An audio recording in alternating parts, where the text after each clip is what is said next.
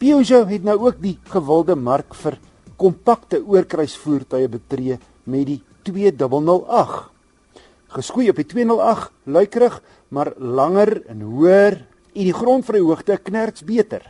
Na my mening loshande die aantreklikste in sy klas met sulke leeuklou agterligte, skermplate en kroomstroke en kurwes op die regte plekke, 'n vaartbelyn in die neusgedeelte afgerond met baie netjiese 17 duim alloy wiele vir daai gewilde 4x4 voorkoms. Maar hy's net voorwiel aangedrewe soos die meeste ander kruisvoertuie of crossovers in Engels.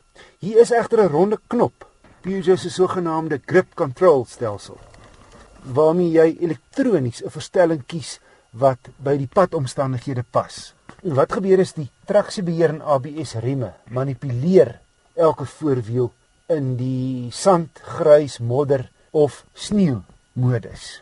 Die afwerking is beslis beter as die Ford EcoSport of die Renault Duster, maar hierdie Peugeot is ook aansienlik duurder. Net een model in die reeks. Bygesê baie toerusting in hierdie die Allure topmodel. 'n Hoogtepunt is 'n tablettipe raakskerm sentraal in die paneelbord. Die werk baie goed. Hiermee word die satellietnavigasie en musiek en telefoon en ritrekenaar beheer. Soos in die 208 word 'n klein stuurwiel gebruik met die instrumente wat hoog agterbo die stuurwiel uitsteek. Die ratkierie het net te veel speling en net 5 ratte vorentoe.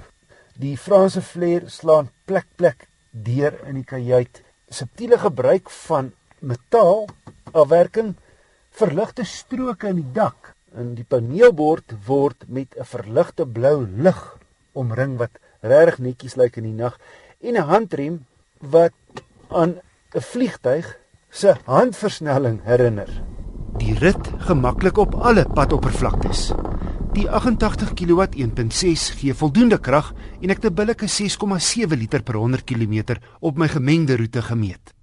Die weelwerige, ruim en baie netjiese 2008 Allure is nie goedkoop nie. Hy kos R269900 en Peugeot kan dit gerus oorweeg om ook 'n goedkoper weergawe van die stylvolle kruiswa in te voer.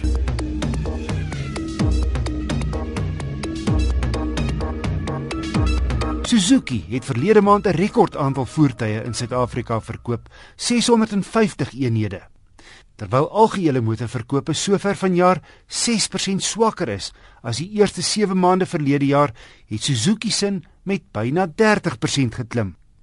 Dis deels te danke aan die feit dat die Swift nou ook in aansienlik goedkoper 1.2 modelle en sedan weergawe verkoop word, vervaardig in Indië.